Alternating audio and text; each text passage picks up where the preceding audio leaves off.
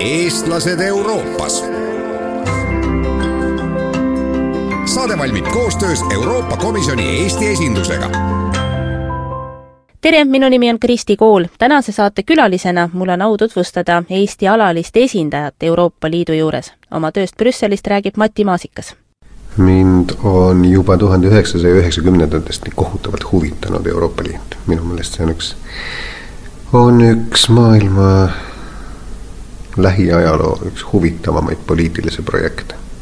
see, kuidas pärast tohutu suurt sõda äh, riigid ja rahvad, mis on, mis olid kümme aastat varem sõjas olnud omavahel istuvad kokku ja panevad alguse millelegi sellisele, mis, mis mitte ainult teeb sõja nende riikide vahel võimatuks, vaid ka kasvatab nende kodanike jõukust ja muudab selle riikide liidu siis ka maailmas märkimisväärseks toimijaks. minu meelest see on, nii tohutult suur saavutus ja mind on see, mind on see juba hulk aega, huvitas juba hulk aega enne, kui Eesti astus no suursaadiku töö inimesed teavad, mis see on, kui oled suursaadik, sa esindad oma riiki mõnes teises riigis, kas üldjoontes on teie töö siin Eesti esindajana sama või on ta natuke laiem, natuke teistsugusem? muidugi, eks iga saadik, eks iga diplomaat esindab oma riigi huve. Äh, seal, kuhu, kuhu teda on siis parasjagu saadetud. Eesti alaline esindaja Euroopa Liidu juures esindab Eesti huve siin Euroopa Liidu institutsioonides. suheldes nendega, suheldes Euroopa Komisjoniga, Euroopa Parlamendiga, suheldes oma kahekümne kuue kolleegiga teistest liikmesriikidest. Ehm, ja seal pean ma tundma, oskama tunda ära ehm, ja esindada Eesti huve, püüda tegutseda niimoodi, et ütleme Euroopa Liidu seadusandlus, uued õigusaktid, mis tulevad, oleksid, vastaksid võimalikult palju Eesti huvidele, sellele nägemusele, kuidas Eesti soovib neid, neid näha kas vahel on nii ka, et te peate kohe vaeva nägema, et, et ei vasta, mingist, tuleb teil meelde mõni konkreetne õigusakt, mille puhul oli rohkem tegemist, et Eesti huvid läbi suruda? nagu kõik, kes on riigivalitsemisega kokku puutunud, teavad, siis esimese mustandi kirjutajal on tohutu suured võimalused kogu seda dokumenti, kogu hilisemat õigusakti kujundada ja muuta. nii et äh, mida varasemas protsessis suudetakse neid äh, mida, mida varasemas faasis suudetakse neid protsesse mõjutada. ammu enne seda, kui nad tegelikult tulevad meie laudadele, ammu enne seda, kui nad jõuavad ministrite või peaministrite laudadele. mida varasemas faasis eh, juba siis, kui neid komisjonis kirjutatakse, juba siis, kui nendega alles hakatakse välja tulema, need su eh, suuta Eesti positsioone selgitada ja ja ka võimalikke parandusettepanekuid teha, seda, seda suuremad on šansid, et see lõpuks näeb et see lõplik lõpptulemus näeb niimoodi välja, nagu, nagu Eesti soovib. ja alati see õnnestub? niimoodi ei saa öelda.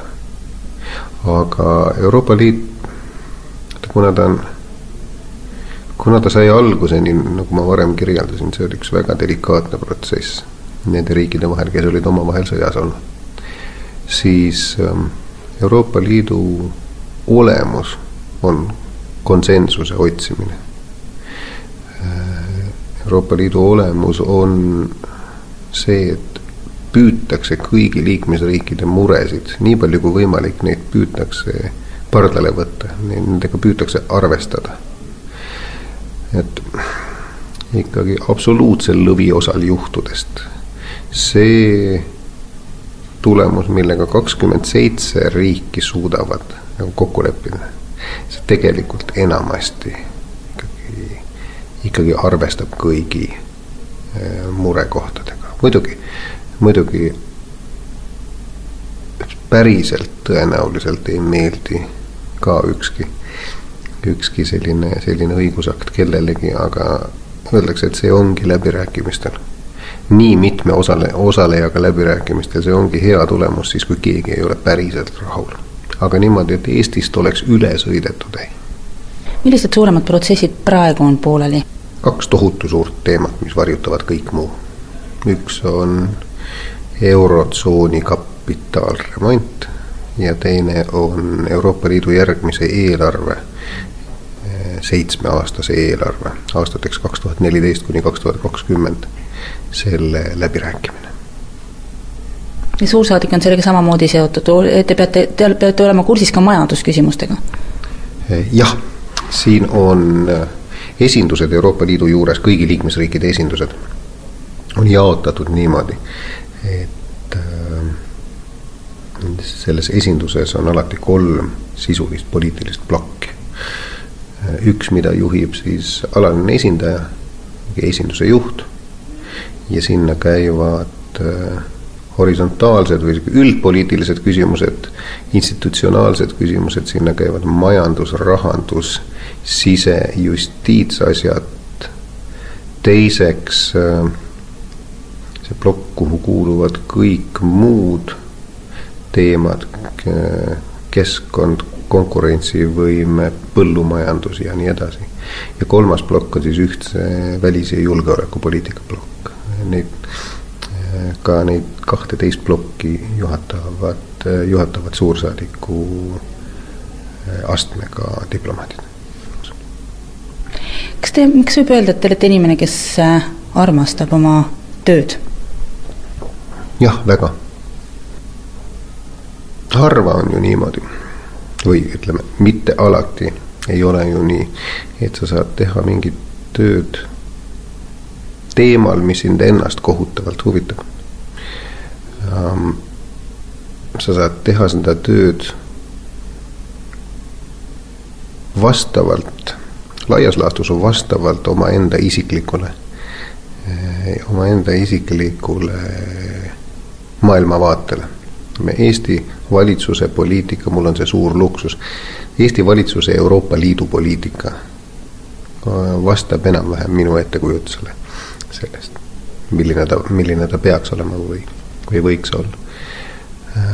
ja ma saan teha seda keskkonnas, kus on hästi toredad ja targad inimesed, kellega ma seda koos teen nii Eesti esinduses kui, kui äh, need kolleegid teistest liikmesriikidest ja ka Euroopa institutsioonide kõrged ametnikud. Nad on väga, nad on väga kõrgetasemelised professionaalid. ja nagu ma enne ütlesin, kuna, kuna siin püütakse kõigi liikmesriikidega väiksemate muredega ikkagi arvestada, siis, siis ma näen tihti oma tööl ka tulemust. see, see kõik kokku see kõik kokku teeb ühe väga toreda, teeb ühe väga toreda töö. muidugi seda on päris palju, päevad on, päevad on pikad. no diplomaadi elukutse juurde käib ju see noh, mitte ainult ettevaatlikkus, aga võib-olla isegi topeltettevaatlikkus, kas teil on olnud, võib-olla te konkreetselt ei saa või ei tahagi sellest rääkida, aga juhust, kus te tunnete, et nüüd sai mindud üle piiri või nüüd sai, et nüüd võib-olla poleks pidanud nii tegema või ütlema? ikka, muidugi. On, on nii inimlik tahta öelda tabavalt ja olla vaimukas. ja siis tuleb endale, tuleb endale meelde tuletada, et sinu töö ei ole olla vaimukas. sinu töö on saavutada saavutada see tulemus, mis Eestile oluline on. ja eriti, kuna on ju ka inimlik, et ähm, see vaimukus on tihti, see vaimukus võib ilmneda tihti torkena, torkena kolleegi või kolleegi esitatava positsiooni aadressil. seda ei saa endale selles töös mingil juhul lubada aga kas vahel on tõesti nii, et ka tahaks vihastada, no ja siis, ja te ei saa seda teha, siis lähete kuskile välja ja, ja elate ennast, ma ei tea, kuidagimoodi, inimene ju vahel peab auru välja laskma minu kodu lähedal on Suanni metsas väga head, väga head ja suure kõrguse vahega jooksurajad. Sellise toreda Kesk-Euroopa lehtmetsa all. siis ma lähen ja jooksen seal ja siis pea läheb, pea läheb selgeks jälle, klaariks ja kõik, kõik emotsioonid, kõik emotsioonid äh, saavad seal maha laetud. eestlased Euroopas. saade valmib koostöös Euroopa Komisjoni Eesti esindusega